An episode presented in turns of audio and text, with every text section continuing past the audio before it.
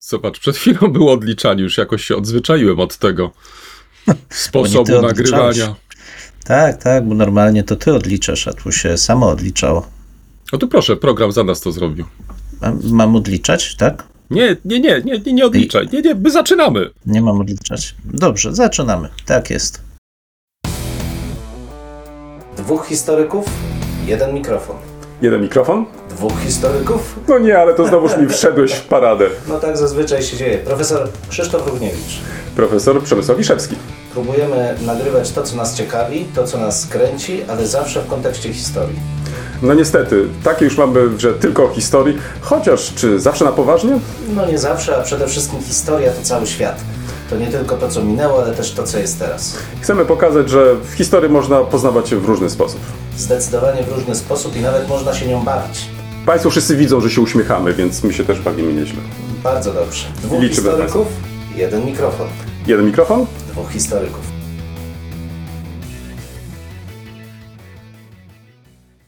To kolego, skoro już odliczyliśmy i, i zaczęliśmy, to chyba musimy się w, trochę wytłumaczyć, czy nie? Wiesz, bo ja tak się trochę czuję Musimy, po partyzancku, no. nie wiem jak ty. No trochę tak. Znaczy, no proszę Państwa, jest tak, że niestety dzielą nas setki kilometrów, nawet nie wiem ile, między tutaj moim miejscem a Twoim jest, ale, ale faktycznie nagrywamy zdalnie. To nie lubimy tego robić, bo to Nie, jednak nie. jest. e, Choć się widzimy, nie? Tak, choć się widzimy. Znaczy, ja już na przykład Ciebie nie widzę. Bo spadła jakość połączenia i znikłeś mi z kamery. Ale najważniejsze, że głos słychać w końcu. To jest audycja Ale głosowa. wiesz co, ale ja tutaj żadnej informacji nie mam, że ciebie nie widzę. E, nie, ja ciebie widzę cały czas. A widzisz, a tu dywersanci działają Proszę jednak bardzo, i tak. odcinają ach, kolegę widzisz, Ruchniewicza. Ach, to coś strasznego. Wiesz co, teraz tak. Ym, ym, tak, no mam dzwonek. Ale on tak. Masz no, dzwonek. Słuchaj, on, tak, on ta, taki nie jest dźwięczny jak ten nasz e, tradycyjny No, wiesz, dzwonek. tak, ale to zawsze będzie znak rozpoznawczy na najbliższe Aha. miesiące, że jest No ja jestem sam w sytuacja ogóle ciekaw, wiesz, jak, jaka będzie jakość tego nagrania. Mam nadzieję, że po zobaczymy. 5-10 sekundach nasze słuchaczki i słuchacze nie wyłączą nas. Ależ przecież oni słuchają nie dla naszego krystalicznego dźwięku i naszych aksamitnych głosów, tylko dlatego, co mówimy. Tak, mam A, nadzieję przynajmniej. Rozumiem, dobrze. W takim razie przechodzimy do następnej części. Kolek, Tak jest. kolego, w takim No- no razie, dobrze. co przygotowałeś na dzisiaj? No, przekraczając, ten oczywiście kanał, skromnie, przekraczając ten kanał, to pewnie miałeś różne, różne obserwacje, poczyniłeś. Różne obserwacje poczyniłem. No, w jakimś sensie tak. Poczynając od tego, że akurat tu, gdzie jestem, to ruch jest taki jak w Rzymie, w najbardziej ruchliwych miejscach turystycznych. Jestem w Cambridge akurat i może to trochę dziwić, ale po wróciwszy po tych kilku latach, myślałem, że sytuacja trochę się zmieniła, ale nie.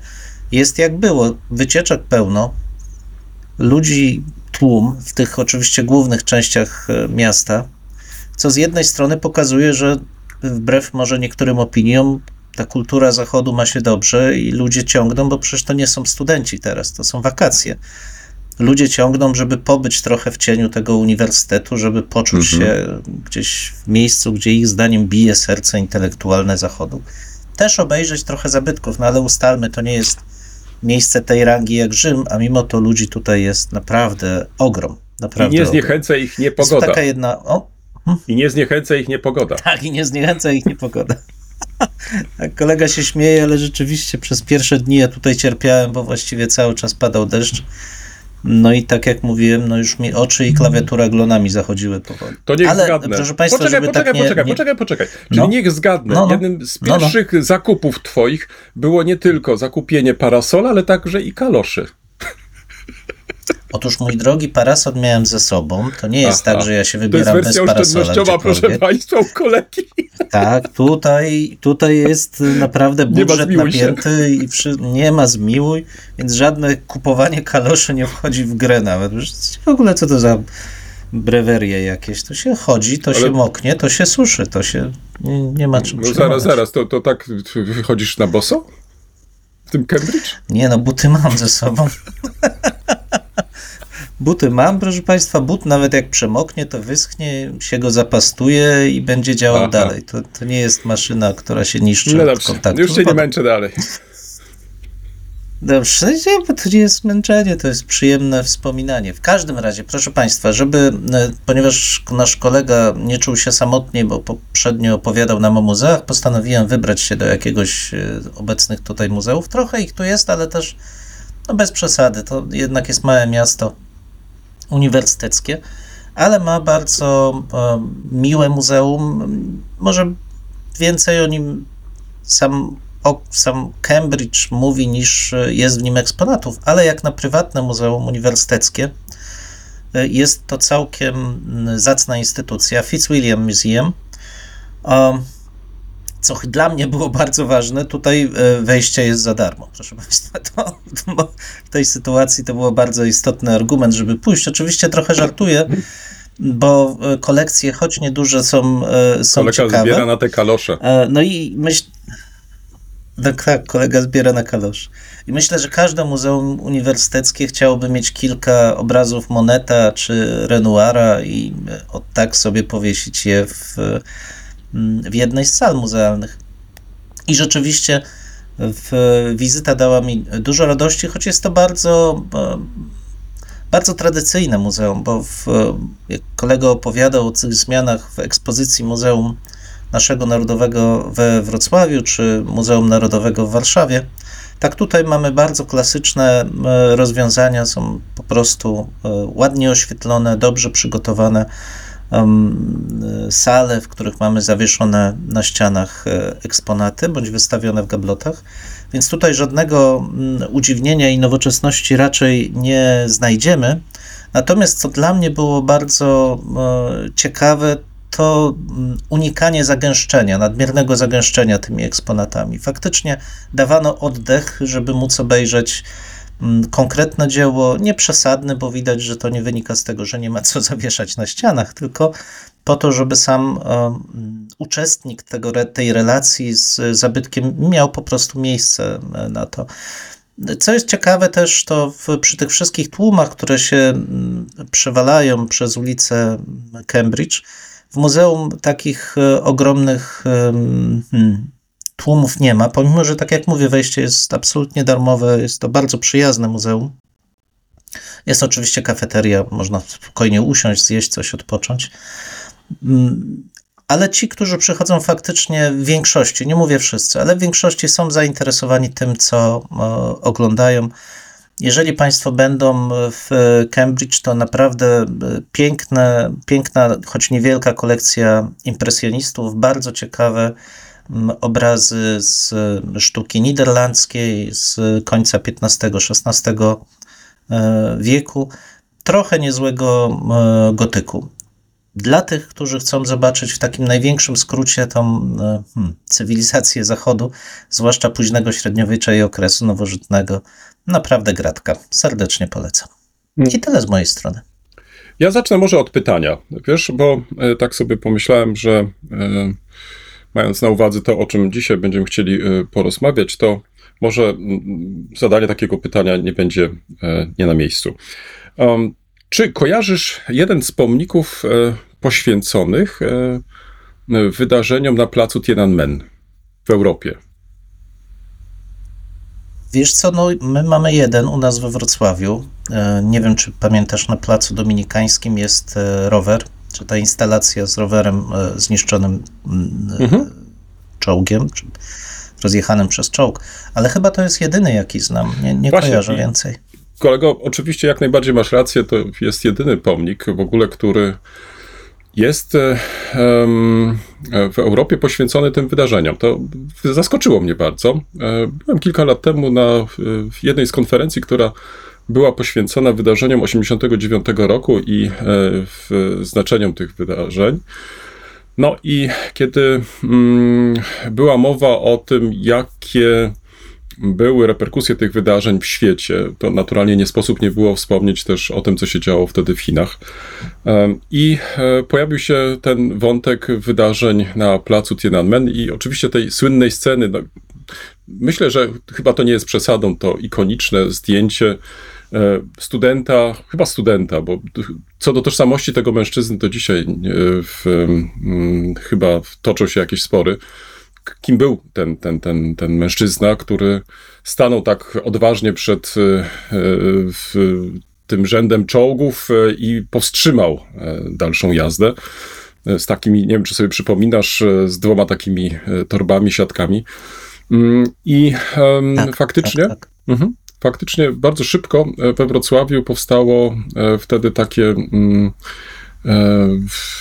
obozowisko namiotowe, które miało być takim wsparciem dla tych właśnie studentów, którzy byli masakrowani w tym czasie E, na placu Tiananmen e, w Pekinie. E, I faktycznie jednym z efektów tego było też początkowo powstanie takiego chyba tymczasowego pomnika, który miał być jakimś takim hołdem dla właśnie bohaterstwa tych, tych ludzi, dla ich oporu. Później to zostało bardzo szybko usunięte, prawdopodobnie przez Służbę Bezpieczeństwa, no ale do dzisiaj E, po dziesiątkach lat ten pomnik e, jest e, nadal do obejrzenia. Nie każdy zwraca na niego uwagę, bo jak wiesz, nie jest to pomnik, który się rzuca bardzo w, w oczy.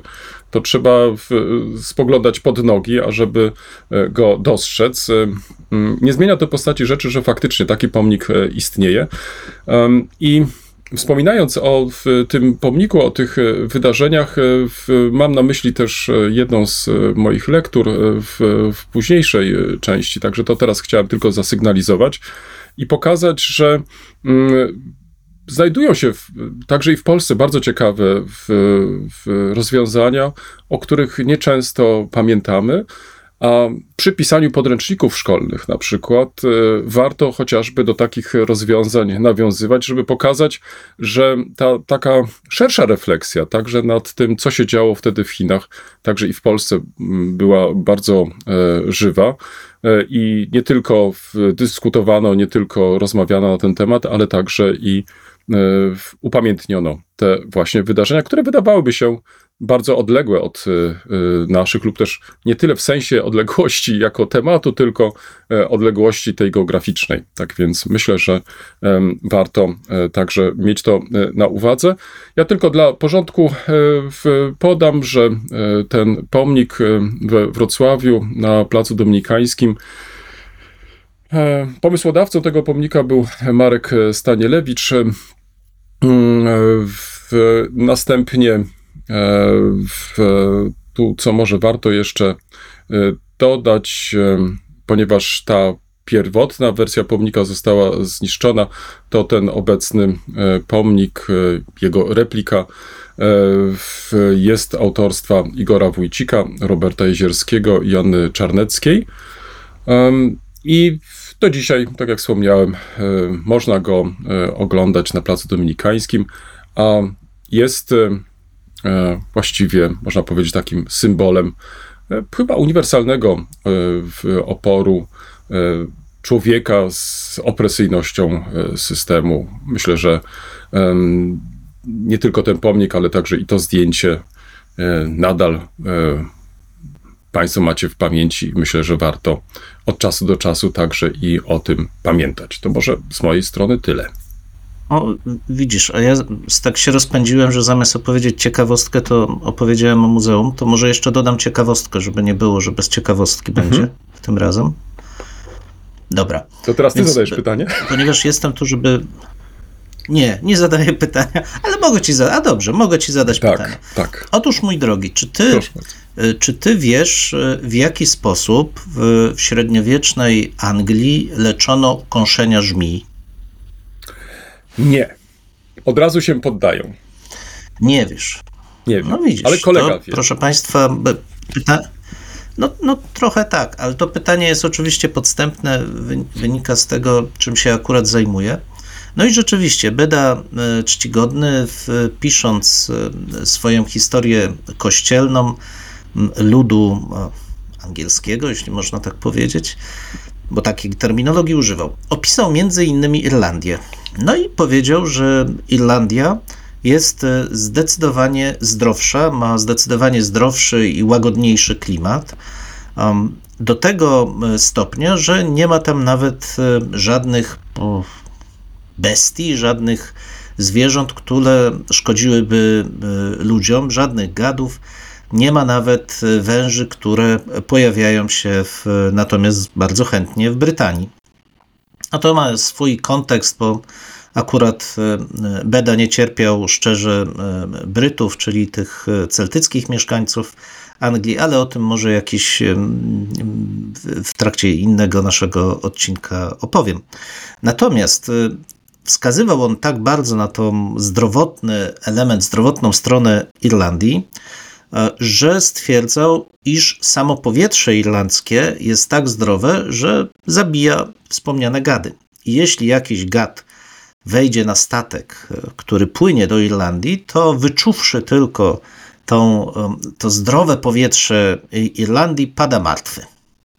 No i w jaki sposób, wracając już do naszego e, pytania, w jaki sposób e, leczyć e, ukąszenia żmii, Ano w ten sposób, że jak stwierdza Beda, on słyszał, to nie jest powiedziane, że sam tak robił, ale słyszał, że działa to tak, iż fragmenty stron z manuskryptów, które zostały przyniesione z Irlandii, nawet nie wykonane tam, ale przywiezione z Irlandii, jak się weźmie ciepłą wodę, czy właściwie wodę, rozpuści w niej te fragmenty stron przywiezione z Irlandii i da wypić człowiekowi, który został ugryziony przez taką żmiję czy też węża, to następuje natychmiastowe uzdrowienie, ponieważ ta, te fragmenty stron mhm. absorbują truciznę, która znajdowała się w ciele człowieka i powodują, że tenże człowiek zdrowieje. Więc e, ja nie zachęcam oczywiście do tego, żeby niszczyć książki i próbować, czy rzeczywiście książka przywieziona z Irlandii, jak się ją rozpuści w wodzie, to sprawi, że, e, że e, uzdrowieje ten, kto był chory. No ale pokazuje to właśnie to wielkie przekonanie, że są zdrowe miejsca na świecie, takie, gdzie życie jest po prostu ze względów naturalnych, my możemy inaczej to też interpretować, lepsze i wszystko, co z tym jest związane, powoduje, że polepsza się byt osoby, która ma kontakt z takim lepszym, zdrowszym miejscem. To tylko dopytam, ja rozumiem, że on miał na myśli przede wszystkim rękopisy, a nie drukowane książki no, jakby to powiedzieć, nie mógł mieć na myśli drukowanych książek, bo pisząc w VIII wieku, to jeszcze druku nie było, więc tak jak najbardziej rękopisy. No tak, ale znaleźć rękopis... Ale to jest klasyczne... Chociaż, chociaż słuchaj, kto wie, pewnie już szybciej znajdziesz rękopis e, z VIII wieku e, tam wytworzony niż e, gdzie indziej w Europie. No tutaj tak, to zresztą piękny zbiór no. rękopisów jest w bibliotece uniwersyteckiej, no ale to już dużo by o tym opowiadać. W każdym razie on mówi tylko o księgach, o, hmm. o stronach z ksiąg, więc o, może być obecnie tak. i drukowane. Jak ktoś jedzie do Irlandii, tak, niech się zaopatrzy. Ja pamiętam, jak moja babcia mi zawsze mówiła, że jak jestem przeziębiony, głowa boli, zatoki bolą, to trzeba się liśćmi kapusty owijać i to powoduje, że człowiek zdrowieje. No więc tu mogą Państwo liczyć takimi zaraz, stronami, zaraz, ale... ale... radziłbym jednak gazetę jakąś kupić, a nie książkę. Ale no. Czekaj, teraz, w takim razie teraz zdradź, e, czy ty zbierasz e, te różne takie przepisy, tak, ten, jak e, właśnie tutaj leczyć, czy, czy, czy co? To, to czym ty się w ogóle tam zajmujesz? Akurat wynika z tego, że rzeczywiście zajmuję się, ale nie leczeniem, tylko moją ulubioną wieloetnicznością i, no, i przy okazji czytając źródła tego typu rzeczy wpadają w oko. No sam wiesz, jak to no jest. No tak, nie, to, to prawda. E, płynnie przechodzimy do e, następnej naszej części, do lektur. Um, tak, y, no, tak. No właśnie. No bo ty teraz cały czas siedzisz w bibliotece. I, jedną i, tylko chciałem. A, nie, nie, niemożliwe. Tak. Tylko jedną? Właśnie nie chcę. No nie chcę Państwa męczyć tutaj średniowieczem jeszcze. Ale jeszcze masz dostęp do nowości bo jeszcze coś mam, co niekoniecznie jest. Ale masz dostęp do nowości, no możesz mam, ale to, no to, no, no to No to powiedz, słuchaj, mówię, pojawiło się coś takiego, co to... koniecznie powinniśmy przeczytać.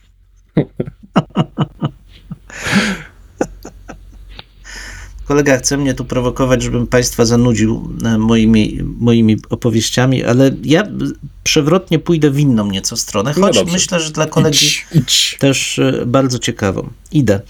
E, nieznana mi wcześniej seria, bardzo ciekawa, Writing the Nation Series. Mhm. Nie wiem, czy słyszałeś, czyli Nie wydawana przez Palgrave Macmillan na początku, właściwie pod koniec pierwszej dekady tego stulecia.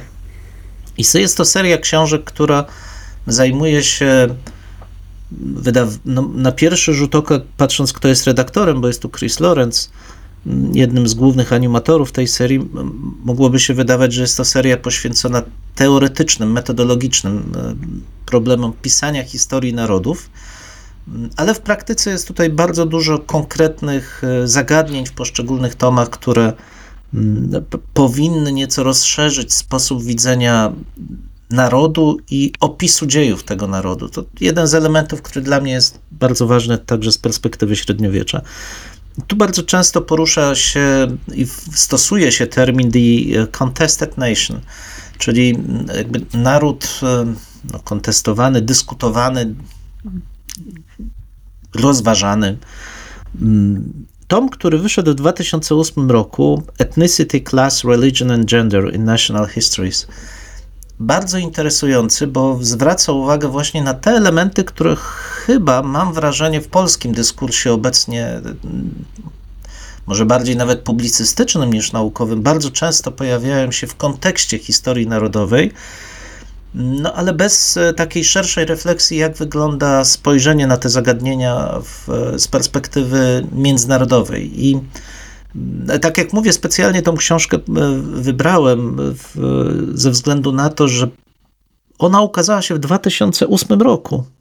Czyli te problemy, które teraz jakby są u nas tak istotne w rozważaniu, czy rzeczywiście kwestia e, płci kulturowej, czy e, etniczności, czy ba, ten straszne słowo klasa, czyli neomarksizm jakiś i tego typu rzeczy, to wszystko już było. To znaczy, żeby pisać historię, nawet tą narodową, czy państw narodowych, warto byłoby się jednak e, zapoznać z literaturą, która już powstała jakiś czas temu i, i pokazuje, że te zagadnienia rzeczywiście mhm. w historiografii żeby było jasne, to nie, są, to nie są książki, które dają wykład historii narodów, to są książki, które analizują historiografię dotyczącą funkcjonowania narodów od schyłku XVIII wieku, w zasadzie do schyłku wieku XX. Wspomniane tematy e, podejmują. Wydaje mi się, że jest to też pewien symptom, o którym chyba trochę zapomnieliśmy. To znaczy, że nasza dyskusja historiograficzna też strasznie się mm, sprowincjonalizowała. To znaczy, zapomnieliśmy, że, hi, że ta historiografia, o co wielokrotnie się upominamy tutaj w naszym e, podcaście, że historiografia krajowa, narodowa jest tylko odpryskiem e, pewnych szerszych nurtów. Jeśli się nie czerpie z tych szerszych refleksji, no to zubaża się swój własny horyzont myślowy, ale też nie pozwala się czytelnikom spojrzeć nieco szerzej i głębiej na problemy, które się porusza. W związku z powyższym książkę tą Państwu w przypisie chętnie polecę. Contested Nation, Ethnicity, Class, Religion and Gender in National Histories. I tyle z mojej strony na dziś. Ta Twoja uwaga dotycząca e, powszechności badań e, i miejsca badań narodowych w tych badaniach powszechnych jest tutaj jak najbardziej e, na miejscu. No i myślę, że, że tutaj faktycznie jesteśmy zgodni, że życzylibyśmy sobie, żeby częściej e, mieć to na uwadze, a przede wszystkim pokazać nawet na tym tle polskie badania. Przecież w końcu to nie jest też tak, że e, nie mamy się czym pochwalić. E, często jest też i tak, że podejmujemy tematy, które są pionierskie. Nie zawsze może potrafimy je, nazwę to tak brzydko, sprzedać ale one tylko pokazują, e, jak ważne jest włączenie tych badań do tego obiegu międzynarodowego. I e, z tej perspektywy te nasze badania wyglądają naprawdę całkiem inaczej. Tutaj nie musimy być w żaden sposób e, czuć się w jakiś sposób gorszymi, niedocenionymi i tak dalej, tylko bardziej powinniśmy zabiegać o to, żeby te różne rozwiązania, które także i u nas się pojawiają, móc po prostu lepiej spopularyzować. E, warunek naturalnie jest taki, że jesteśmy częścią tego dialogu, częścią tego obiegu e, i w, mm, wymieniamy się, bo, bo, to jest po prostu kluczowa e, kwestia. Ja chciałbym zaproponować tym razem mm, trzy lektury. Nie dlatego, że jestem tak pilny i nie mam co innego do roboty i tylko siedzę i czytam, bo, bo tutaj to byłaby trochę przesada. Mm, ale tak się złożyło, że faktycznie e, w ostatnich dniach miałem trochę więcej czasu i e, sięgnąłem po lektury, które mnie zainteresowały i które faktycznie mm, e, przeczytałem. Powiem wprost, jednym tchem, chociaż mam mieszane uczucia co do wartości niektórych z nich. Um, może jeszcze też taka uwaga ogólna. Po drodze, i tutaj się pochwalę, kolego, sam wywołałem dwa filmy dwa filmy analogowe, słuchaj. Ale w sensie żebyś... spowodowałeś, że, że re, re, aha, bo myślałem, że spowodowałeś, że reżyserzy filmowi pod twoim nie, wpływem zaczęli kręcić nie, dwa filmy. Nie, nie, to, to, to nie jest tak, tylko po prostu wywołałem Um, po raz pierwszy, wyobraź sobie, dwa filmy analogowe i coś wyszło. I coś wyszło. Także to jest właśnie ten taki efekt wow, że coś wyszło. I teraz przechodzę do moich lektur, bo to też był taki właśnie e, e, ta, takie uczucie wow. E, do pierwszej książki, do której zachęcam także i ciebie, żebyś zajrzał. Jej autorką jest znana fotografka, reporterka. Ją się określa też jako e, fotografkę społeczną. Ale to nie jest książka o fotografii, od razu ci to chcę powiedzieć, e, książka o fotografii, choć e, autorką jest fotograf. Anna Musiałówna, z drugiej strony szkła, autoportret fotoreporterki. I muszę ci powiedzieć, że kiedy mm, zastanawiałem się kupić, nie kupić tę książkę, przeglądałem, o autorce słyszałem już wcześniej, kilka zdjęć miałem e, mm, w pamięci, ale pomyślałem sobie, hmm, sporo treści, mało zdjęć, więc o co w tej książce może chodzić? E, I faktycznie nie rozczarujesz się, jeżeli sięgniesz po tą książkę, ponieważ jest to przepięknie napisana książka. Fotografia jest tutaj pretekstem, a tak naprawdę autorka opowiada nam historie, które mm, poznała w trakcie swojej pracy fotoreporterki. Czyli można powiedzieć e, coś, co nie jest takie oczywiste, że fotograf e, mm, tylko fotografuje, nie pisze tekstów. E, tu w tym przypadku mamy inny przypadek, być może nawet klasyczny fotoreportera, że nie tylko robi dobre zdjęcia, ale także pisze świetne teksty. I w połączeniu w obraz z tekstem daje naprawdę kapitalne efekty. I książka ta jest również przepięknie skonstruowana. To znaczy, tutaj e, oprócz tego, że znajdziesz bardzo ciekawe e, reportaże, od można powiedzieć lat 70., prawie że po współczesność, przetykane kapitalnymi zdjęciami czarno-białymi, to znajdziesz też fragmenty listów, jakie mm, wymieniała e, autorka z Gustawem Herlingiem Grudzińskim. Ponieważ może warto tutaj dodać, że oboje pochodzą z tej samej wsi, to też była okazja do tego, żeby w którymś momencie nawiązać e, kontakt. Nasza e, bohaterka nawiązuje kontakt z Gustawem Herlingiem Grudzińskim, który pochodził z Suchedniowa. I tak nawiązała się, czy wywiązała się bardzo ciekawa rozmowa dwóch osób w postaci listów. Oczywiście oni się spotkali też po latach, ale w, to w jaki sposób pisali do siebie, jakimi obrazami E, jakie obrazy używali, żeby przedstawić tą swoją małą ojczyznę. Słuchaj, no to, to jest coś kapitalnego, to jest bardzo frapujące. E, I teraz w połączeniu z tymi reportażami e, rzecz kapitalna. I teraz, żebyś mógł sobie wyobrazić Państwo, jakiego typu są te reportaże, Zwłaszcza dla historyka są one bardzo ciekawe i muszę przyznać, że czytałem niektóre z nich z wielką zazdrością, ponieważ autorka z różnych powodów. E, miała to szczęście, że raz trafiła na przykład e, na zdjęcia, które. E, I to musisz sobie teraz wyobrazić. Słuchaj, po prostu były w, przez wiatr w, jakoś tak, wiesz, no, powiewały wietrze, o może tak, jakieś stare zdjęcia. I teraz to ją zainteresowało i zaczęła szukać źródła, skąd te zdjęcia faktycznie e, tak e, lecą, ulatują i tak dalej. I okazało się, e, kiedy już dotarła do jednej z klatek, że właśnie tam wyłożono po prostu jakieś materiały po jednej z osób, i to albumy fotograficzne, i to właśnie wiatr porywał z tych albumów te właśnie zdjęcia, i stąd one się znalazły tam w tym właśnie powietrzu. E, I zaczęła zbierać te zdjęcia, ale okazało się, że nie tylko same zdjęcia tam były, tylko różne materiały rodzinne. Od końca XIX wieku aż, no, można powiedzieć, do e, lat e, 90. Historia, e, można powiedzieć, kawał historii Polski pod zaborami, ale także później w dwudziestoleciu międzywojennym. I to zachęciło ją do tego, żeby, mm, tak jak my postępujemy często, żeby dowiedzieć się, kim były te osoby, które były nie tylko na zdjęciach, ale do kogo należały te dokumenty.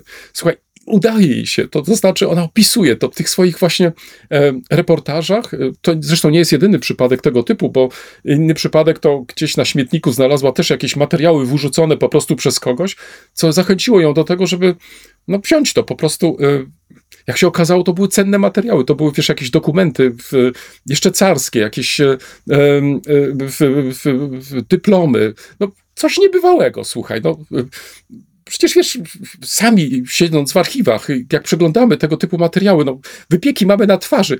No i bez problemu mogę sobie wyobrazić, e, z jakimi wypiekami nasza autorka przeglądała te dokumenty. A jeszcze mając ten taki zmysł i to zacięcie reporterskie, zaczęła po prostu szukać tych osób, szukać tych historii. No słuchaj, coś niebywałego. Naprawdę jest to kapitalna lektura, świetnie napisana. E, książka, którą polecam właśnie w tym czasie wakacyjnym, kiedy e, może kiedy siedzi się nad jeziorem, może, nie wiem, w domu, bo no, na przykład u mnie za oknem teraz właśnie pada, to warto sobie sięgnąć właśnie po taką książkę i poczytać te kapitalne reportaże, a oprócz tego e, podziwiać te piękne e, fotosy, które tutaj w tej książce są zamieszczone. Także jeszcze raz, Anna Musiałówna z drugiej strony szkła, autoportret fotoreporterki, pięknie wydało tą książkę wydawnictwo Czytelnik. Książka ukazała się, hmm, poczekaj, chyba w tym roku, jeśli się nie mylę, e, bo to jest nowa rzecz.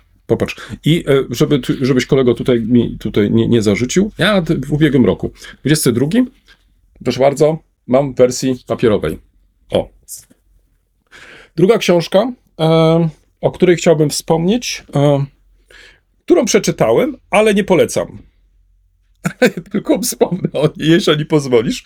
Mianowicie nadrabiam zaległości, jak być może wiesz, i, i no i, i postanowiłem sięgnąć po książkę, do której chciałem zawsze sięgnąć, ale jakoś z różnych powodów nie mogłem do niej sięgnąć, bo po prostu brakowało mi czasu. Teraz widzisz, ty jesteś jednak bardziej sprawny, jeżeli chodzi o wydania elektroniczne, bo od razu powiem, że nie kupiłem tej książki w papierze, tylko wersji elektronicznej.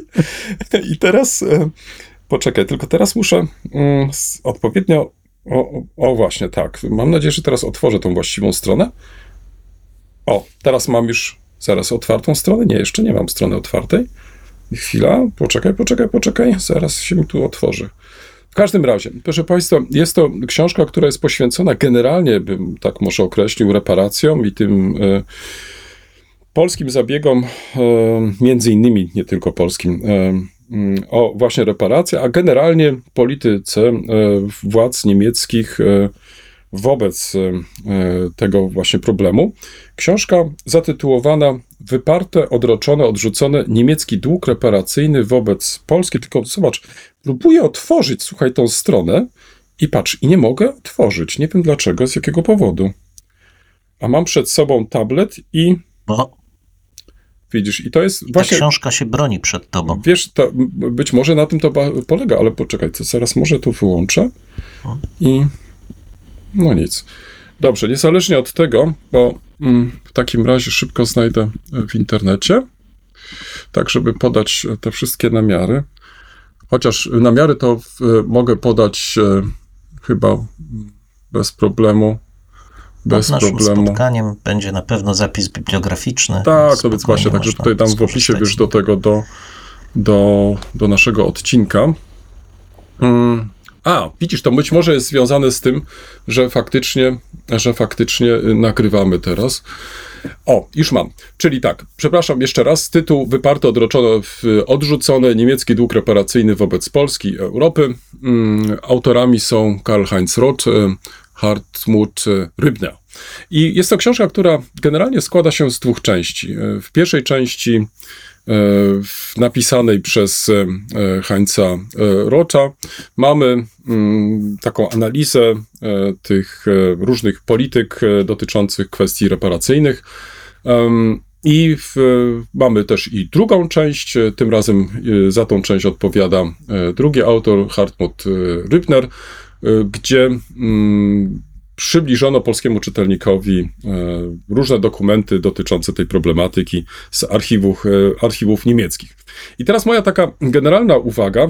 Książka, nie ukrywam, czyta się e, dobrze, ona nie jest źle przetłumaczona, ale jest to książka bardzo jednostronna. To znaczy, raz, że autor stwarza nam wrażenie, że próbuje e, w sposób taki wyważony przedstawić racje różnych stron, ale szczerze mówiąc, mam wrażenie, że niewiele zrozumiał z tej problematyki. To znaczy, tutaj może w, w, na jednym takim przykładzie postaram się to w jakiś sposób zilustrować, bo często jest też tak, że w chwili, kiedy nasi partnerzy niemieccy E, używają tego określenia reparacje, to mają właściwie na uwadze e, dwie rzeczy. Jest to tak zwany e, jest to tak zwane pojęcie zbiorcze, byśmy to może tak nazwali, które dotyczy zarówno mm, tych roszczeń państwowych, czyli można powiedzieć państwo-państwo, a jednocześnie i to samo pojęcie, tym samym pojęciem określa się także i roszczenia indywidualne, czyli państwo-obywatel. Natomiast w Polsce przyjęło się coś innego. E, mówi się o reparacjach, czyli ma się na uwadze te właściwe reparacje. Czy jeżeli byśmy to w, tutaj jakoś starali się przełożyć na e, te polskie zabiegi, to byłyby te mm, reparacje wynikające z umowy poczdamskiej i tak dalej, tak dalej. Ale mamy też i oczywiście roszczenia indywidualne, które nazywamy odszkodowaniami i generalnie tak się też przyjęło. I teraz e, autor ten praktycznie tego kompletnie nie zrozumiał. To znaczy, że są takie różnice w Polsce i w Niemczech. To znaczy, on e, jest przekonany, że także e, autorzy polscy i niemieccy, którzy pisali na ten temat, e, ja też do nich należę, E, praktycznie nie zrozumieli tak naprawdę o co w tym wszystkim chodzi. I tutaj, e, żeby to w, w, jak, w jakiś sposób e, pokazać, jakie to ma konsekwencje, faktem jest, że w, kilka lat temu z moim kolegą w, w mm, Konstantinem Goszlerem z Bochum napisaliśmy wspólny artykuł na ten temat, który zamieściliśmy E, po polsku i po niemiecku. W, w, w niemiecka wersja ukazała się we Frankfurter Allgemeine Zeitung, natomiast polska w Gazecie Wyborczej. I tam e, w sposób bardzo e, jasny pokazaliśmy, mm, jak wyglądała ta problematyka, nazwijmy to w cudzysłowie, reparacji po II wojnie światowej, koncentrując się jednak w naszym artykule na kwestiach odszkodowań, to znaczy tych polskich zabiegów o odszkodowania po 1945 roku. No i jak to skomentował autor? No, autor skomentował to w ten sposób, że raz, że jesteśmy bardzo ostrożni w naszych szacunkach. No tutaj nie wiem, dlaczego autora to dziwi, że jesteśmy ostrożni w szacunkach, tym bardziej, że szacowanie kwot na przykład y, z lat 50. i późniejszych, oczywiście są narzędzia, które to y, pozwalają zrobić, ale zawsze to będzie szacunek, bo tu zbyt dużo elementów trzeba uwzględnić, ażeby móc y, w sposób taki, bym powiedział, jednoznaczny określić, jaką wartość miały na przykład przykładowo marki zachody niemieckie w latach 50., e, jaka jest wartość ich dzisiaj, lub też odpowiednik ich wartości. Tobie chyba w średniowieczu łatwiej było, bo to w, tam można było to sobie wyobrazić za pomocą krów, koni, owiec albo czegoś jeszcze innego, prawda? Że nie? Czy nie tak nie było? No, przerażasz mnie, po prostu Dlaczego? przerażasz to, mnie. No, chcesz obie... powiedzieć, że to jest moje błędne wyobrażenie o średniowieczu? Przerażające wyobrażenie o średniowieczu. Ja no ci chciałem tylko przypomnieć, że gospodarka oparta o pieniądz funkcjonowała już w starożytnym Rzymie. Nie, A ja się zgadzam, tylko chodzi mi o przelicznik, słuchaj, wiesz, że co można było kupić na No, przykład to- za, za, za, za, za wartość, która wtedy padała i na przykład była, był taki odpowiednik, że za to można było sobie kupić na przykład, no nie wiem, pięć krów, no. O, nie? To już jest kwestia wyboru, bo można też powiedzieć, że można ziemię kupować i tak dalej, i tak dalej. Wartość zboża porównywalnym na przykład i dla twoich czasów, i dla moich byłaby objętość zboża, którą można kupić O. za daną sumę. No, ale to już... Na to nie wpadłem, szczerze mówiąc. E, Ja natomiast starałem się z kolegą Goszlerem e, w, poprzez te różne w, e, narzędzia faktycznie zbliżyć się jakoś do, do tych obecnych wartości. W, no, w każdym razie e, zrobiliśmy to w tym artykule, czyli stąd też ta uwaga w, w, autora, że e, że bardzo ostrożnie do tego podeszliśmy, ale w, zrobił nam większy jeszcze zarzut, że po, po kompletnie zrozumieliśmy zasady reparacji, wiesz, e, to znaczy, że pisząc o odszkodowaniach, powinniśmy pisać jeszcze o czymś innym. No, trudno, no wiesz, no, no, no to już jest problem tego właśnie autora, nie, nie właściwie nasz. Niezależnie od tego, e, myślę, że e, z drugiej strony warto po tego rodzaju publikacje sięgać e, też i po to, żeby zobaczyć, jaki jest mm, poziom debaty u naszego sąsiada, czy też jak niektórzy historycy myślą na ten temat. Chociaż muszę tu od razu powiedzieć, że jest to jakiś margines marginesów, to znaczy te rozważania. Ach, nie chcę używać mocnych słów w tym przypadku. Te rozważania jednak e, mnie bardzo e, rozczarowały i praktycznie nic nowego e, dla siebie nie wyciągnąłem z tej publikacji, ale przytaczam ją, bo być może część z Państwa będzie chciała do niej zajrzeć, więc jestem też bardzo ciekaw Państwa zdania po lekturze tej książki. Przypomnę jeszcze raz, Karl-Heinz Roth, Hartmut Rybner, wyparte, odroczone, odrzucone, niemiecki dług reparacyjny wobec Polski i Europy. No i ostatnia książka, trochę e, kolego pro domo sua, bo e, co jak co, ale od czasu do czasu mam nadzieję, że ty, ale także i państwo nie będziecie mieli nic przeciwko, że pochwalę się także i e, jedną z moich ostatnich publikacji, na którą chciałbym zwrócić waszą szczególną uwagę, bo to jest, proszę Państwa, premiera. To znaczy, to trzeba sobie to uzmysłowić, że mm, takiej publikacji dotąd nie było. Jest to premiera na polskim rynku, czyli nawiązując do tego, co kolega tak e, pięknie e, powiedział i do czego e, apelował, to historycy polscy są tymi, którzy wnoszą wkład do nauki światowej. Otóż mam przed sobą sygnalny jeszcze egzemplarz, ale za chwilę mm, ta książka znajdzie się także w księgarniach. Jest to wybór listów e, Christiana Trybsta e, z Freją von Moltke e, pod tytułem Wiara i opozycja. Listy z lat 1957-1959 mm, w moim i Marka Zybury opracowaniu. Jest to tłumaczenie z języka niemieckiego. Co nas bardzo ucieszyło, to mm, w- przedmowę do wydania polskiego mm, napisał syn e, Frei von Moltke, Helmut Kaspar e, von Moltke. Książka ta ukaże się e, pod koniec roku w, mm, w języku niemieckim w znanym wydawnictwie Wallstein. To też mnie bardzo cieszy, tak więc nie tylko książka ta będzie dostępna w języku polskim, e, ale także i wkrótce e, po niemiecku. Dlaczego to jest takie ważne i dlaczego zadaliśmy sobie ten trud, e, ażeby mm, przygotować tę publikację do druku i opublikować ją? Otóż, jeśli przypomnisz sobie, mm, wdowa po Helmucie Jamesie von Moltke, w jednym ze współzałożycieli Kręgu Skrzyżowej,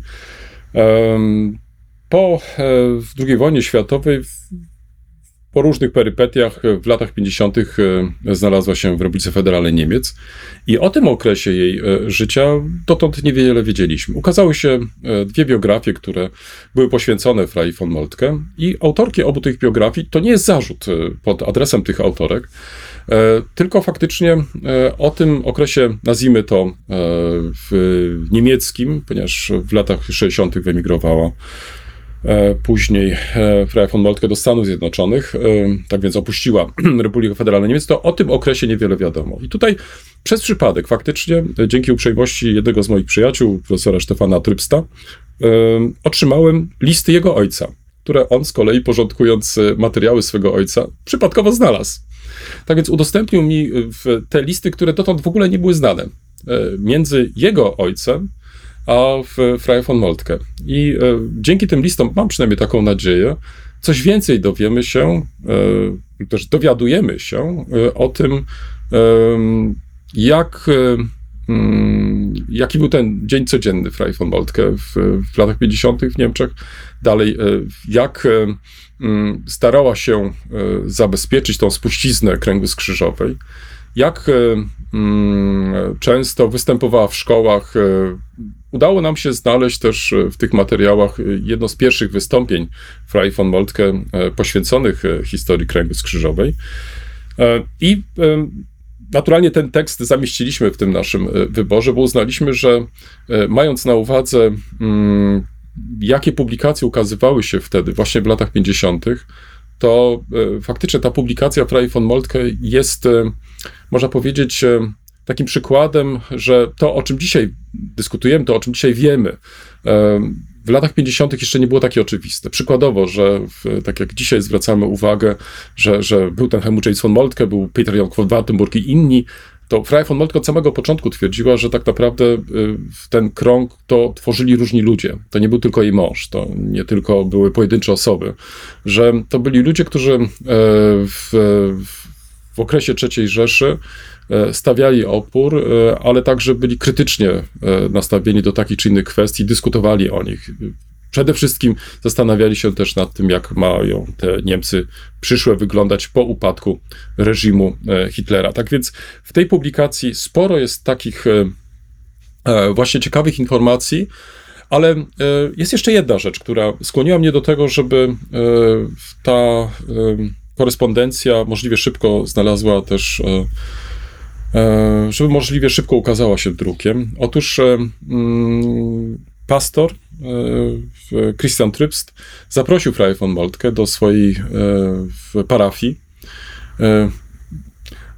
Musisz sobie tą parafię wyobrazić zabitą deskami, to znaczy to jest jakaś prowincja prowincji niemieckiej. E, I Frau von Moltke przyjęła to zaproszenie, ale zanim udała się do tej zabitej deskami dziury, e, w, mm, spytała i poprosiła o jakieś bliższe e, informacje pastora Trybsta, ażeby opisał jej tą właśnie parafię, tych ludzi, przed którymi będzie występować. I jest to bardzo ciekawy dokument.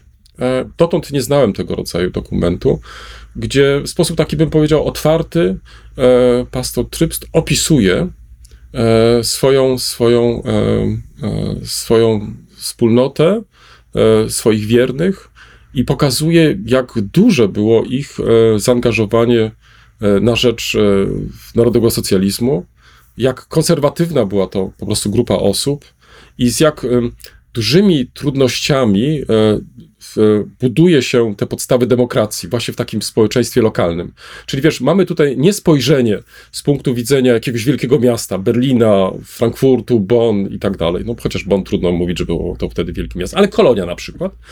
Em, nie, tutaj masz po prostu wiochę zabitą dachami, przepraszam, e, czy jakieś małe miasteczko lub też tam jakieś wiochy dodatkowe E, i jeszcze właśnie to takie bardzo konserwatywne społeczeństwo i e, pastora, który no, chce coś zrobić, chce coś pokazać, zaprasza Frei von Moltke, bo przecież e, trzeba sobie w, w, przypomnieć, że te wszystkie osoby, które e, straciły wtedy życie w, jeszcze e, podczas wojny w wyniku zamachu na Hitlera, były uważane także w Republice Federalnej przez wiele dziesiątków lat jako e, zdrajcy ojczyzny, że kobieta, żona takiego zdrajcy ojczyzny występowała przed taką grupą osób, no to to, to musiało być bardzo odważne. To znaczy, wiesz, to, to zaproszenie jego, e, jej, ażeby przyjechała i opowiedziała, czym to właśnie e, było, kim byli ci ludzie, e, o czym myśleli, czym się zajmowali. Więc mm, lektura, muszę ci powiedzieć, jest frapująca i się bardzo cieszę, że e, właśnie udało nam się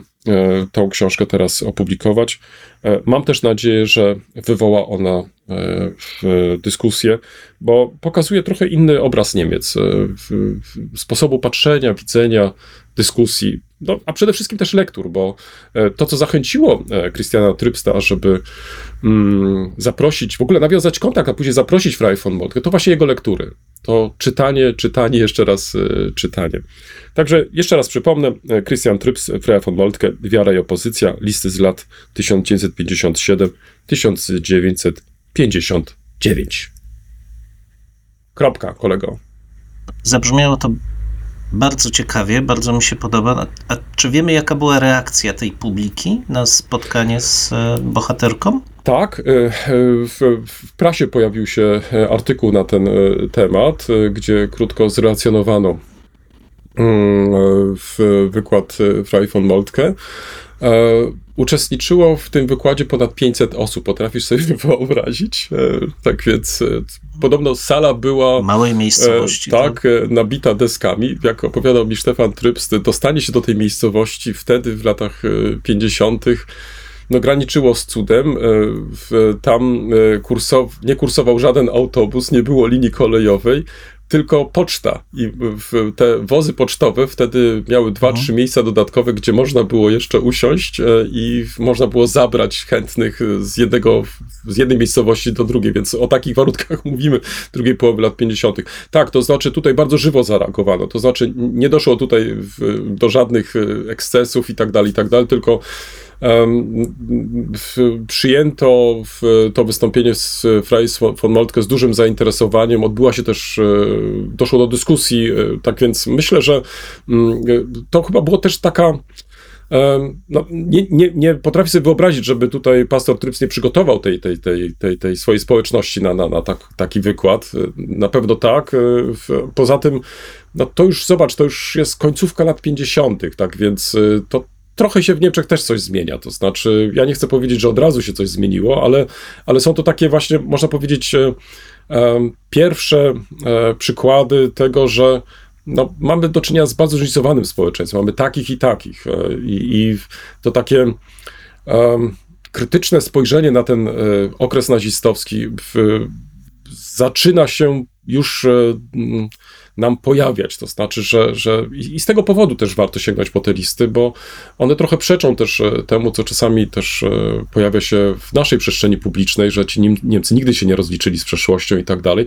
Myślę, że tutaj czytelnicy znajdą kilka przykładów, że tak do końca nie było, że to się działo po prostu w, w różnych okresach, na różnych płaszczyznach. E, I ta, te listy są tego bardzo dobrym przykładem, więc myślę, że warto także i sięgnąć chociażby z tego powodu po tą książkę.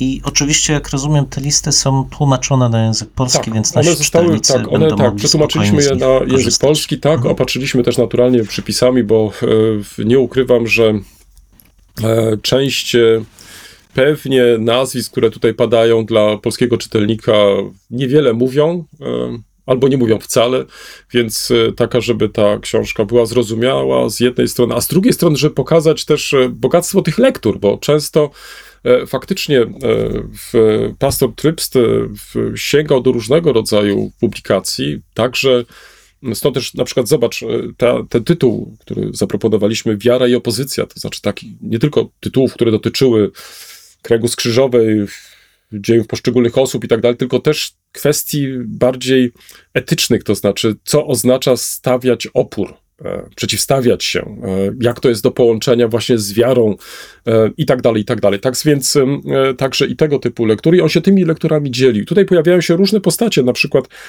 jeden z profesorów byłych naszego uniwersytetu, który wyemigrował do Stanów Zjednoczonych, Eugen Rosenstock-Hisi na przykład. Tak więc tutaj E, późniejszy też i przyjaciel Frei von Moltke, ale e, e, to, to pokazuje tylko całe to takie spektrum różnych osób, które się przewijają przez, te, przez, te, przez tą korespondencję. Tak więc tutaj z Markiem Zyburą zadbaliśmy też o sporo przypisów do tej książki, taka, żeby ułatwić polskiemu czytelnikowi recepcję tych właśnie materiałów. Kolego, to co? Mamy trzecią część. Um, trzecią część. A jak ją zatytułujemy? Bo przyznam ci się szczerze, że tak zastanawiałem się, bo mamy dwie publikacje. Mhm. Jedna oczywiście dużo obszerniejsza, druga skromniejsza, ale obrazująca pewne, pewien, pewną specyfikę spojrzenia na przeszłość. I nawet zastanawiałem się, jak, czy da się jakoś zbiorczo ją mhm. ująć. Jakiś pomysł może, żeby wprowadzić naszych słuchaczy. Wiesz, to znaczy, ja myślę tak, że w, um, może w trakcie naszej rozmowy uda nam się znaleźć jedno jakieś sensowne określenie na to, o czym będziemy dyskutować. Natomiast, y, żeby może podrzucić, bo takim tematem, który często nam się przewija w naszych rozmowach, to jest instrumentalizacja historii. Znaczy, to nie jest tylko instrumentalizacja y, w, w przeszłości, ale także w, mm, przede wszystkim właśnie tu historii i wykorzystania do bieżących celów politycznych. Bo, bo mnie się wydaje, że, że to w takich kategoriach można byłoby rozpatrywać e, mm, te publikacje, o których e, chcemy podyskutować, lub też ewentualnie, które były punktem wyjścia do naszej tej rozmowy. No i tutaj zahaczamy o kolejny temat. To jest e, już taki temat, czy można mówić wszystko bez konieczności e, no jednak odpowiedzialności za to, co się mówi. To znaczy, e, wiesz, czy, czy istnieje jakaś taka dowolność. I teraz mamy oczywiście różne w, książki na uwadze, bo, bo w, w, w jednym i w drugim przypadku wprawdzie mamy do czynienia z ciekawymi publikacjami, ale każda z nich ma inny charakter. To znaczy, o ile ta moja może być traktowana, e, którą przedstawiłem e, przed chwilą mm, na temat reparacji, może być traktowana w kategoriach kolejnej publikacji na ten temat i, i w, mogę się z nią zgadzać lub też nie zgadzać. Ale uważam, niezależnie od tego, że, że powinienem ją znać, stąd też w moim przypadku to jest trochę takie nadrabianie lektur które odłożyłem sobie na później, bo, bo były inne rzeczy dla mnie ważniejsze, ale teraz, kiedy mam trochę więcej czasu na wakacjach, to mogę do nich wrócić e, i, i sobie w, dokładniej e, w, poczytać. Z kolei druga książka, o której chcieliśmy porozmawiać, ma charakter podręcznika i to trochę jest inny typ, e, w, bym powiedział, pracy, czy też obchodzenia się z tego rodzaju materią, ponieważ e, o ile w pierwszym przypadku ja mogę potraktować to jako jedną z wielu książek, e, tak tutaj w tym przypadku no jest to jednak e, publikacja, która ma atest ministerstwa, który ma też ten tą pieczątkę dopuszczenia do użytku szkolnego, więc z tego będą korzystać chcąc nie chcąc. Przynajmniej część uczniów z takiego podręcznika będzie korzystać. I to troszeczkę jest inny typ publikacji. Chociaż e, e, tu całkowita zgoda, tematy, jakie w, są podejmowane w jednej i w drugiej stronie, e, te, w, w, książce, a przede wszystkim sposób ujęcia w, no jest tutaj dla nas no, kontrowersyjny, może na razie tak to określę. Wiesz, mi czytając czy przeglądając książkę e, profesora Roszkowskiego, bo nie ukrywajmy, to, to o niej chcemy porozmawiać, o tym drugim tomie podręcznika do przedmiotu historia i e, teraźniejszość, mm, uderzyły, nawet nie wiem jak to określić, bo jeśli powiem, że uproszczenia, to to, to jest za daleko idące, bo to, mhm. Mhm. to jest książka, gdzie jednak dominuje narracja klasyczna, tak jak i w pierwszej części mhm wykład utkany gęsto faktami, wydarzeniami, postaciami. Mhm. Więc trudno mówić tu o książce prostej, ale zresztą pisałem o tym na swoim blogu. Już sam fakt, że profesor wskazuje wprost, że to, to nie jest książka, którą ja bym określił jako podręcznik, to znaczy taka, która prezentuje różne poglądy, różne. Mm. Mm, strony dyskusji po to, żeby zachęcić e, i wskazać w jakieś, e, jakieś narzędzia do dyskusji i do tego, żeby ta dyskusja przebiegała w sposób racjonalny i dążyła do jakiegoś, mhm. E, do jakiegoś rozwiązania. Więc nie jest to, jak, to nie jest praca dla tych, którzy oczekują jakiejś aktywności wzbudzenia chęci do e, podjęcia własnej kreatywnej pracy ze strony uczniów. Tak jak część pierwsza, bardzo, bardzo do bólu klasyczny wykład z pytaniami, które mają charakter właściwie sprawdzenia, przyswojenia materiału, o tak bym powiedział. Znaczy, niby mają charakter obudowy metodycznej dla nauczania, ale tak naprawdę to jest tylko sprawdzenie, czy uczeń rzeczywiście przyswoił i pamięta, o czym pan profesor w książce, w książce powiedział. O, o, innych rzeczach jeszcze pewnie będziemy mówić, ale już kończąc ten wątek e, metodyczny, e, tak jak i w pier, bo tu się nic nie poprawiło i zresztą sam profesor mówi, że on nie, nie widzi powodu, żeby czegokolwiek zmieniać. Ja na plus zawsze wskazuję, jeśli są źródła ikonograficzne i one to są. Są mm, podobnie jak w pierwszym przypadku, niewielkie, kiepskiej jakości najczęściej, ale mam wrażenie, że wybór jest nieco lepszy, pomijając pewną jednostronność tego wyboru. Natomiast tak jak i w pierwszej części, jeśli chodzi o sposób opisu, no to w zasadzie czasami y, jest to duże zdumienie, jak w, był tam, jest taki rozdział poświęcony mm, kulturze współczesnej, mhm rozwojowi nauki, ni z gruszki, ni z pietruszki jest zdjęcie jednej z galaktyk e, spiralnych i podpis. Galaktyka wiatraczek i kropka. Mm, mm, mm. No i e, różnych rzeczy można tam jeszcze e, takich dziwnych wskazać, bo mamy na przykład tabelę z największymi osiągnięciami nauki. Rzecz bardzo ciekawa. Uważam, że to super pomysł. Tyle tylko, że wśród największych osiągnięć nauki jest z jednej strony e, zmapowanie genomu ludzkiego, czy właściwie próba e, zarysu tego genomu, a z drugiej strony powstanie Facebooka, czy powstanie serwisu tak. YouTube. I to też pokazuje e, problem, jaki jest z tą książką dla mnie, jako podręcznikiem, że autor książki i wydawcy chyba nie do końca mm, byli kompetentni, jeśli chodzi o współczesną kulturę, o współczesną naukę, a nie do końca też czuli potrzebę, żeby skonfrontować tą swoją hmm. wiedzę no, z osobami, ze specjalistami, czy nawet ze stanem wiedzy po prostu. I w rezultacie mamy wykład historii politycznej, bardzo ukierunkowany zgodnie z wartościami, które pan profesor e, wyznaje, lekko budowany, no nie powiem, że multimediami, zdjęciami, potworny, potworny pod, od strony metodycznej, jeśli chodzi o metodykę nauczania. Hmm.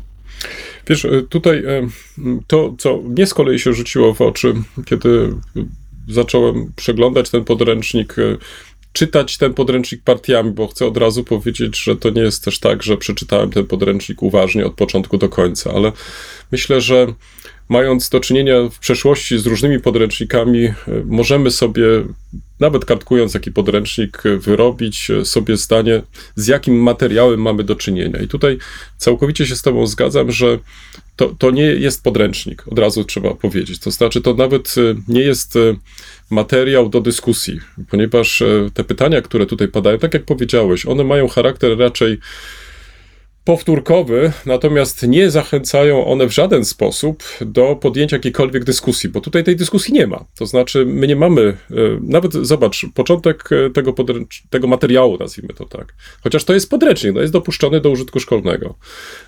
Zaczyna się od zdjęcia kobiety, która niesie na targ e, w koszach różne produkty rolne.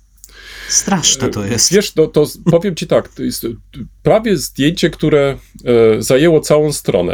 E, do tego jeszcze później ten e, taki szczegółowy opis tej kobiety, natomiast ja nie dowiaduję się, kto zrobił to zdjęcie, kiedy zrobił to zdjęcie, czy to jest zdjęcie autora na przykład, które zrobił na targu wtedy w, w Krakowie, czy też nie.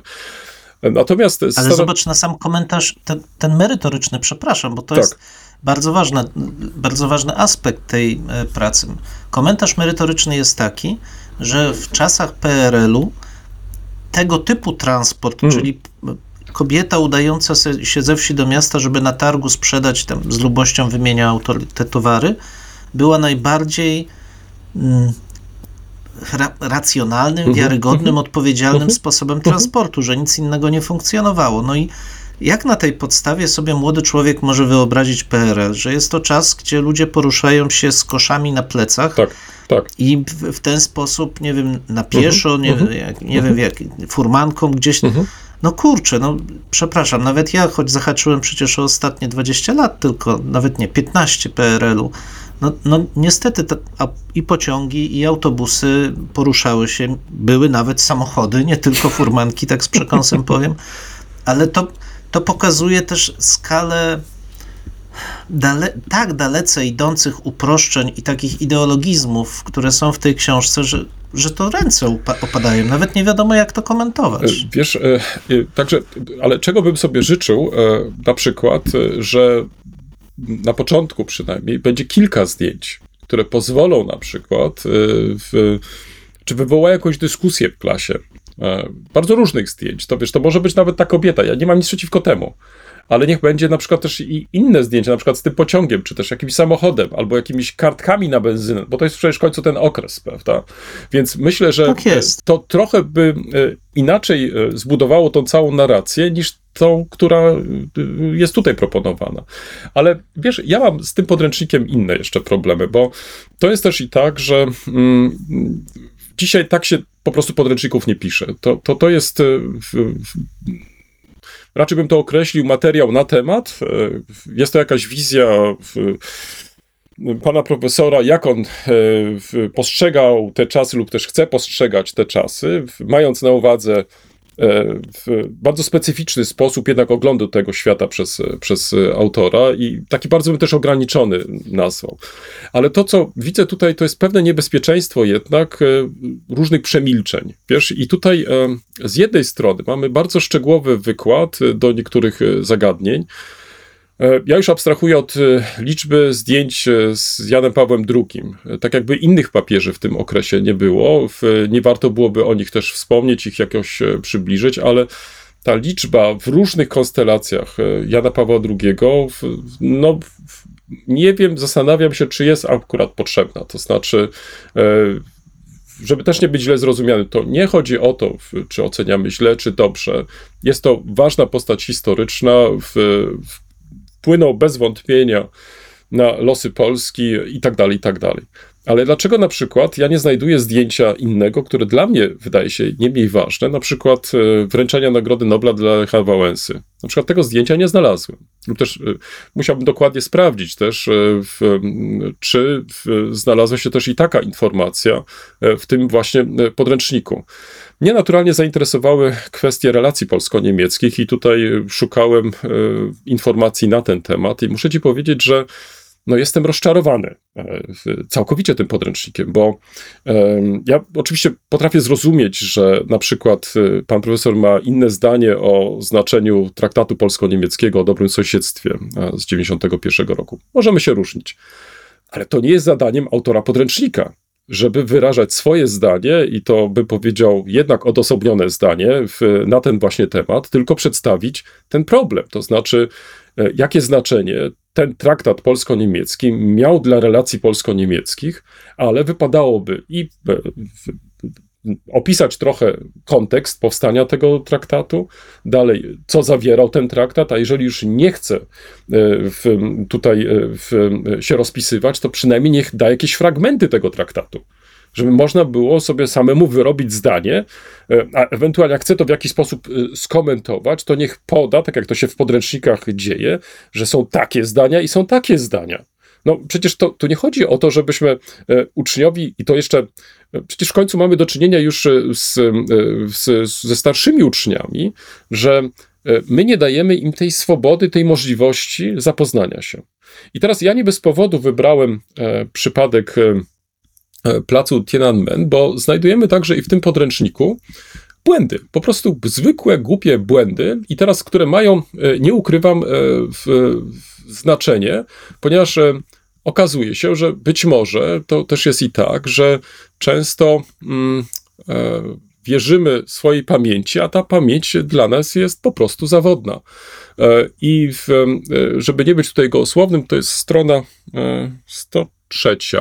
Zaraz znajdę e, tutaj stronę 103 i przytoczę, jaki jest e, podpis e, pod e, zdjęciem.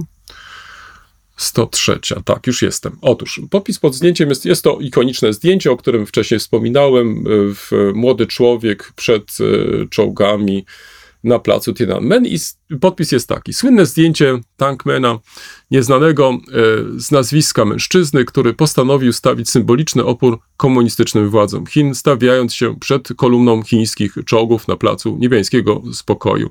Tiananmen w czerwcu 1989 roku. Czołg go rozjechał. Zginęło wówczas nawet 10 tysięcy e, osób. No, e, Po pierwsze, ten młody człowiek nie został rozjechany przez czołgi.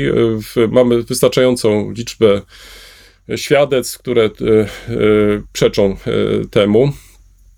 Nie będę opowiadać, co się dalej stało, bo to oczywiście do dzisiaj jest sprawa kontrowersyjna. Nie wiemy po prostu, w, w, co się z nim stało, kim był ten człowiek i tak dalej, ale niezależnie od tego, i tu się oczywiście zgadzam, że stało się to symbolem e, oporu. Mm, ale autor, e, zamiast e, też podać, że mm, także i liczba tych zabitych budzi wątpliwości, że władze podały tyle, a szacunki są takie, bo przecież my możemy mówić o szacunkach. To on przyjął, nie wiem dlaczego, tą najwyższą e, liczbę e, zabitych, natomiast nie skonfrontował z tego z innymi liczbami, bo przecież są także inne liczby, które się podają. Ale nawet i to nie jest najgorsze w tym wszystkim, bo wiesz, błędy się zdarzają. Tylko zastanawiałem się, dlaczego, nie bez powodu zapytałem cię o ten wrocławski pomnik, e, dlaczego na przykład w tym podręczniku nie ma takiej próby łączenia czegoś, to znaczy, żeby uczeń mógł zapamiętać, żeby mógł zobaczyć, aha, to, to, to z tym jest związane. W takim kontekście możemy to przedstawić. E, o tym możemy dyskutować. No i w, w kontekście relacji polsko-niemieckich, ja już naprawdę abstrahuję od tych e, e, zaskakujących dla mnie stwierdzeń w kontekście traktatu polsko-niemieckiego. Nie znajdziesz w ogóle w informacji o Krzyżowej i o mszy pojednania w Krzyżowej. Podobnie jak nie znajdziesz na przykład w kontekście lat 80. o akcji paczek. No przynajmniej tutaj nie znalazłem tej informacji, może coś mi umknęło, tutaj od razu proszę o, o poprawienie, jeżeli faktycznie tak jest. Bo zwróć uwagę, że y, jak się te Niemcy nam jawią? Te Niemcy nam się jawią w tym, co pisze pan y, profesor, że coś tam się działo w tym NRD, doszło do tego zjednoczenia. Ten kanclerz Niemiec był przeciwko, chodzi o Helmuta Kohla, przeciwko granicy na Odrze i Nysie. Ostatecznie ta, tą sprawę jakoś tam uregulowano. E, podpisano jakiś traktat o e, dobrym sąsiedztwie, ale żeby uczeń się cokolwiek dowiedział o tym, no dobrze, no ale jak w takim razie e, ci Niemcy szukali porozumienia z Polską? Przecież takimi kamieniami, można powiedzieć, milowymi tego, tego porozumienia polsko-niemieckiego E, nie było tylko list biskupów polskich do biskupów niemieckich, nie tylko uklęknięcie Willego Brandta przed e, pomnikiem e, bohaterów getta, ale także ta akcja paczek spontaniczna, najpierw z Republiki Federalnej Niemiec, do której się później przyłączyło też NRD. I można wręcz powiedzieć, że ta akcja paczek nabrała wtedy takiego bardzo ludzkiego wymiaru, tego właściwie porozumienia, niektórzy to nazywają pojednaniem, a na pewno szukania właściwie tego zbliżenia między Polską e, a Niemcami. No oczywiście wtedy nie było innej możliwości, a komunistyczną e, Polską.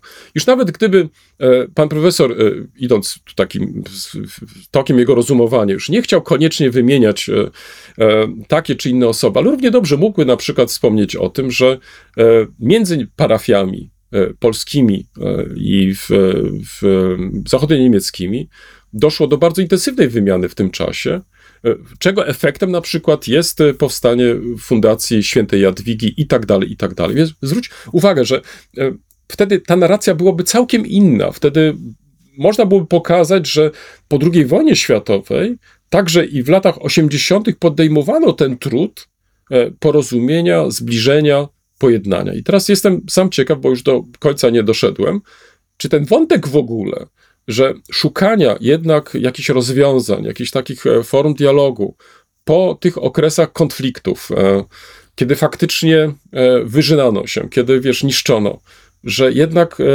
w Europie szukano takich właśnie form spotkania, dialogu i tak dalej, i tak. Wiesz, no, w tych partiach, które przejrzałem, które w, przeczytałem, no, no zabrakło mi tego w ogóle, takiego, wiesz, elementu, więc Teraz wracając do. do... Ja... Mhm, przepraszam. Mhm.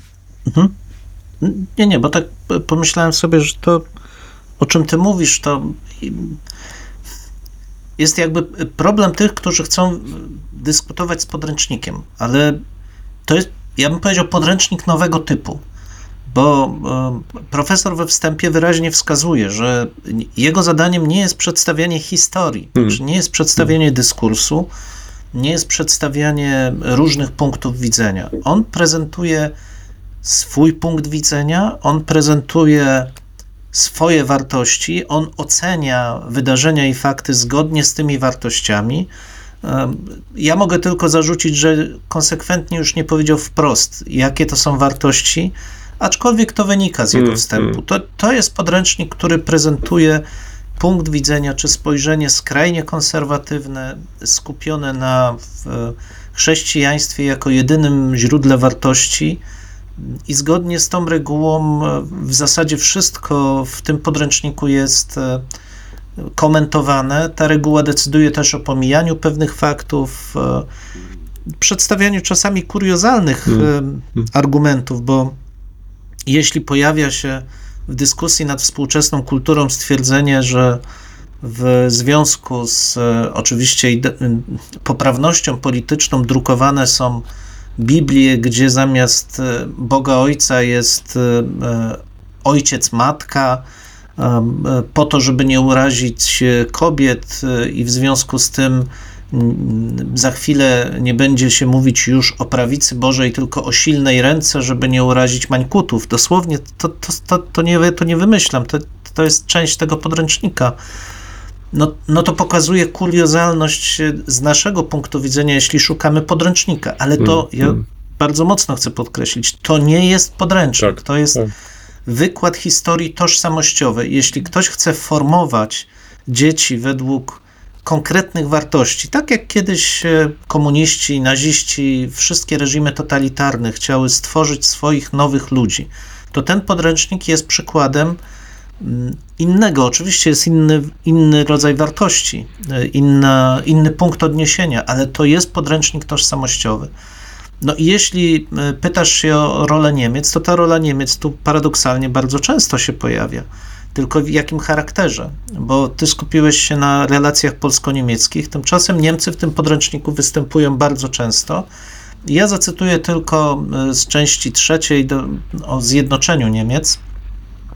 W trakcie procesu jednoczenia się obu państw niemieckich coraz częściej wyrażano zaniepokojenie potencjalną dominacją Niemiec oraz zadawano kluczowe pytanie, czy Niemcy się w cudzysłowie zeuropeizują, czy też Europa ulegnie gospodarczej i politycznej, znowu w cudzysłowie, germanizacji.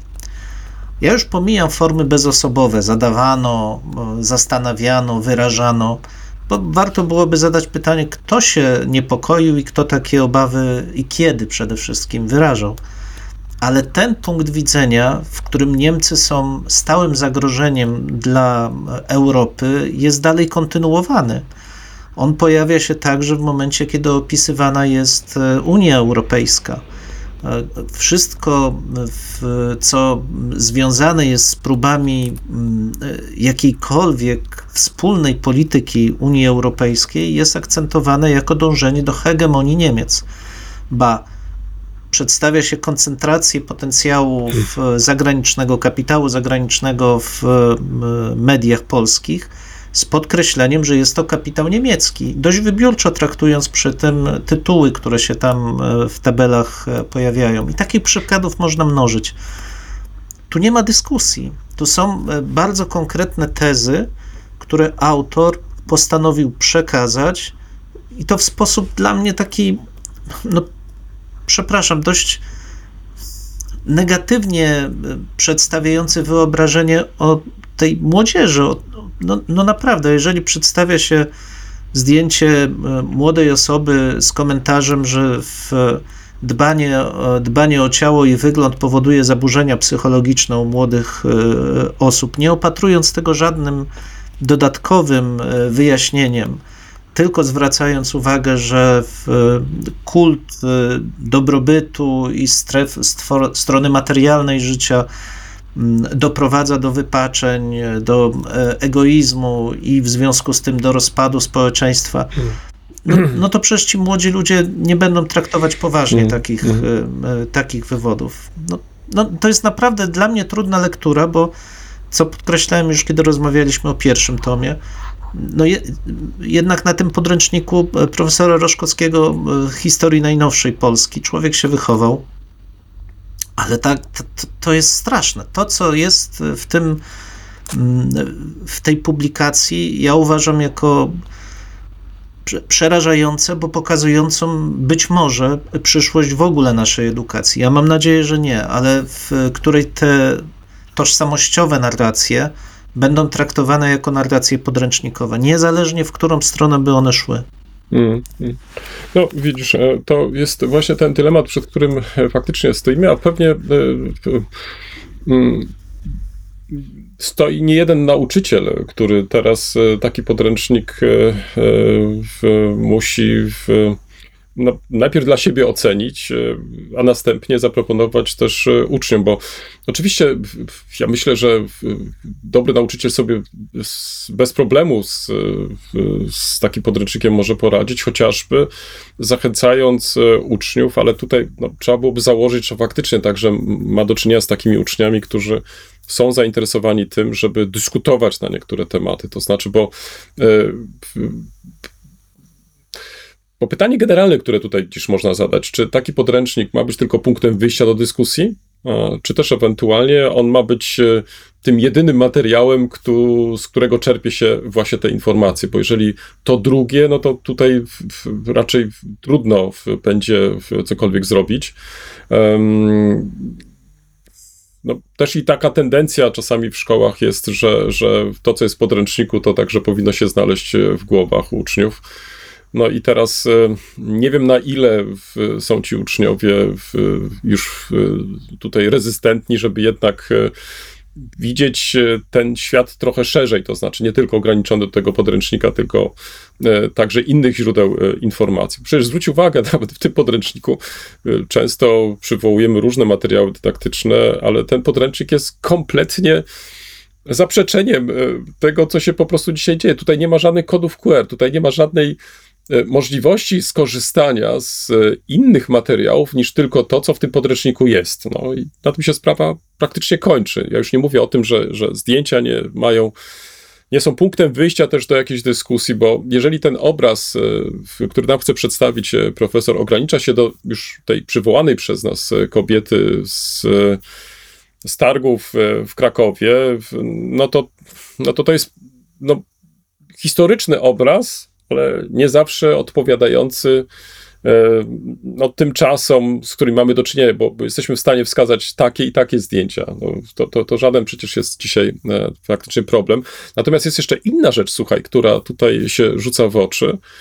To e, nie ma w ogóle żadnych jakichś takich części, które by mm, zachęcały ucznia do tego, czym historia najnowsza jest, to znaczy jak ją badać, jak, ją, jak się jej uczyć, z jakimi nowymi materiałami, z jakimi nowymi źródłami jesteśmy konfrontowani, na przykład e, na czym polegają e, na przykład metody oral history, e, jak uczniowie na przykład sami mogą przeprowadzić wywiady na przykład ze swoimi dziadkami, ze swoimi rodzicami, żeby przybliżyć się do tego okresu, no, który w końcu nie znają, ale przecież on jest tak ciekawy, bo przecież tym żyje no, i dzisiaj każdy dom, jakie to były czasy, często się zestawia obecne z tymi przeszłymi i tak dalej, i tak dalej. Zobacz, tu nie ma żadnej zachęty do tego. To jest tylko właśnie ten wykład, to jest tylko tak e, e, łopatologicznie wręcz e, przedstawiona wizja i to bardzo specyficzna wizja historii i nie ma żadnego wentyla, to znaczy nie ma żadnej możliwości no, wyjścia ponad to. No i to jest właśnie to, co się rzuca w, oczy, kiedy przeglądasz ten, ten materiał. No, no tak, ale to znowu wracamy do tego, że to nie jest podręcznik, nie? No, ja już no, jakby nie chcąc wracać znowu do tego wątku metodycznego, ale na jedną rzecz tylko zwrócę uwagę. Tu w ogóle nie ma źródeł. Hmm. To jest e, podręcznik, w którym nie istnieje coś takiego jak analiza źródła historycznego, a przecież jest to jeden z elementów podstawy programowej nauczenie ucznia pracy z tekstem źródłowym. W przypadku historii to jest kluczowe znaczenie, ale rozumiem, że historia i teraźniejszość nie jest historią, że ma, z tego podręcznika wynikałoby to, że jest to raczej jakaś forma ideologicznego wykładu w tą czy inną stronę idącego. Bo też y, zwróciłeś uwagę, że nie ma tych aktywizujących elementów, ale ich być nie może, ponieważ w tej wizji, którą prezentuje ta, ta książka, uczeń nie jest podmiotem. Uczeń jest przedmiotem procesu edukacyjnego. I to bardzo wyraźnie profesor też we wstępie podkreśla, że on jest zwolennikiem wykładu, koniec, kropka. Ale idąc dalej, czytając tą książkę, widać, że dla niego dziecko jest, dziecko, to młodzież, jest no, tylko przedmiotem, kimś, czymś, co będzie obrabiane w trakcie procesu dydaktycznego. I to widać w, w wielu miejscach, te swoiste idiosynkrazje polityczne, które też tutaj się e, przejawiają, te komentarze odautorskie. Bo żeby być te, te też e, uczciwym, trzeba powiedzieć, że jest tutaj spory materiał do historii politycznej, który całkiem nieźle w formie skrótowej, choć tak jak mówisz, też z pewnymi dyskusyjnymi momentami, miejscami, przedstawia przebieg e, historii, ale zaraz potem się dowiadujesz na przykład, że mm, e, w, istnieje coś takiego jak wyższość gospodarki, w Mm. której interwencja państwa jest szerzej zakrojona nad gospodarką liberalną. Koniec, kropka. I profesor stwierdza, że tak jest i tyle. Mm. I teraz p- zadałeś to trafne pytanie, czy można wykorzystać ten podręcznik jako punkt wyjścia do dyskusji. Oczywiście, że można, tylko dla mnie niebezpieczeństwo z przyjęciem tego, tej książki jako podręcznika i uczynieniem z niej punktu wyjścia do dyskusji jest, że młodzi ludzie będą dyskutować o problemach, które są w tej książce tylko i wyłącznie. To oznacza, że ta wizja, nawet jeśli będzie kontr ta dyskusja będzie polegała na tym, że się z nią będzie dyskutować, ustawia kształt widzenia świata. Ale ten świat taki Mm, nie jest. mm. No najzwyczajniej po prostu świat jest dużo bardziej bogaty, dużo bardziej zróżnicowany. W, jeśli pan e, profesor przedstawia zdjęcie, rozumiem, jednego z niemieckich miast, jednej ulicy, gdzie modlą się muzułmanie na tej ulicy i sugeruje, że jest to coraz bardziej powszechna wizja czy widok na ulicach Niemiec, no to ja bym zaprosił pana profesora, żeby pojechał do Niemiec i zobaczył, czy rzeczywiście na wezwanie z minaretów w każdym mieście niemieckim tłumy na ulicach klękają, padają na twarz i tak dalej. Wybiórczość tej wizji jest tak przerażająca, że jeśli my sprowadzimy wizję XX wieku do takiej dyskusji, no to otrzymujemy tak wypaczoną e, spojrzenie tych młodych ludzi na rzeczywistość, że naprawdę mi byłoby bardzo, bardzo ich szkoda i mam nadzieję, że jednak szerszą, bardziej kolorową wizję świata oni będą mieli. W tym miejscu stawiamy kropkę, lub też jak to woli, kropkę nad i. No, mamy nadzieję, że to nie jest koniec, że to jest początek Waszych dyskusji. Mam nadzieję, że Was zaciekawiliśmy. Prosimy o komentowanie naszych zmagań z historią. Poniżej zdjęcia jest wystarczająco dużo miejsca. I pamiętajcie, nie regulujcie odbiorników. No, my naprawdę tak brzmimy. E, tak, chociaż być może czasami e, może trzeba ściszyć. No może czasami ten nasz rechot by się przydało wyciąć nawet. Dwóch historyków, Jeden mikrofon, jeden mikrofon. dwóch historyków. Dziękujemy. Dziękujemy.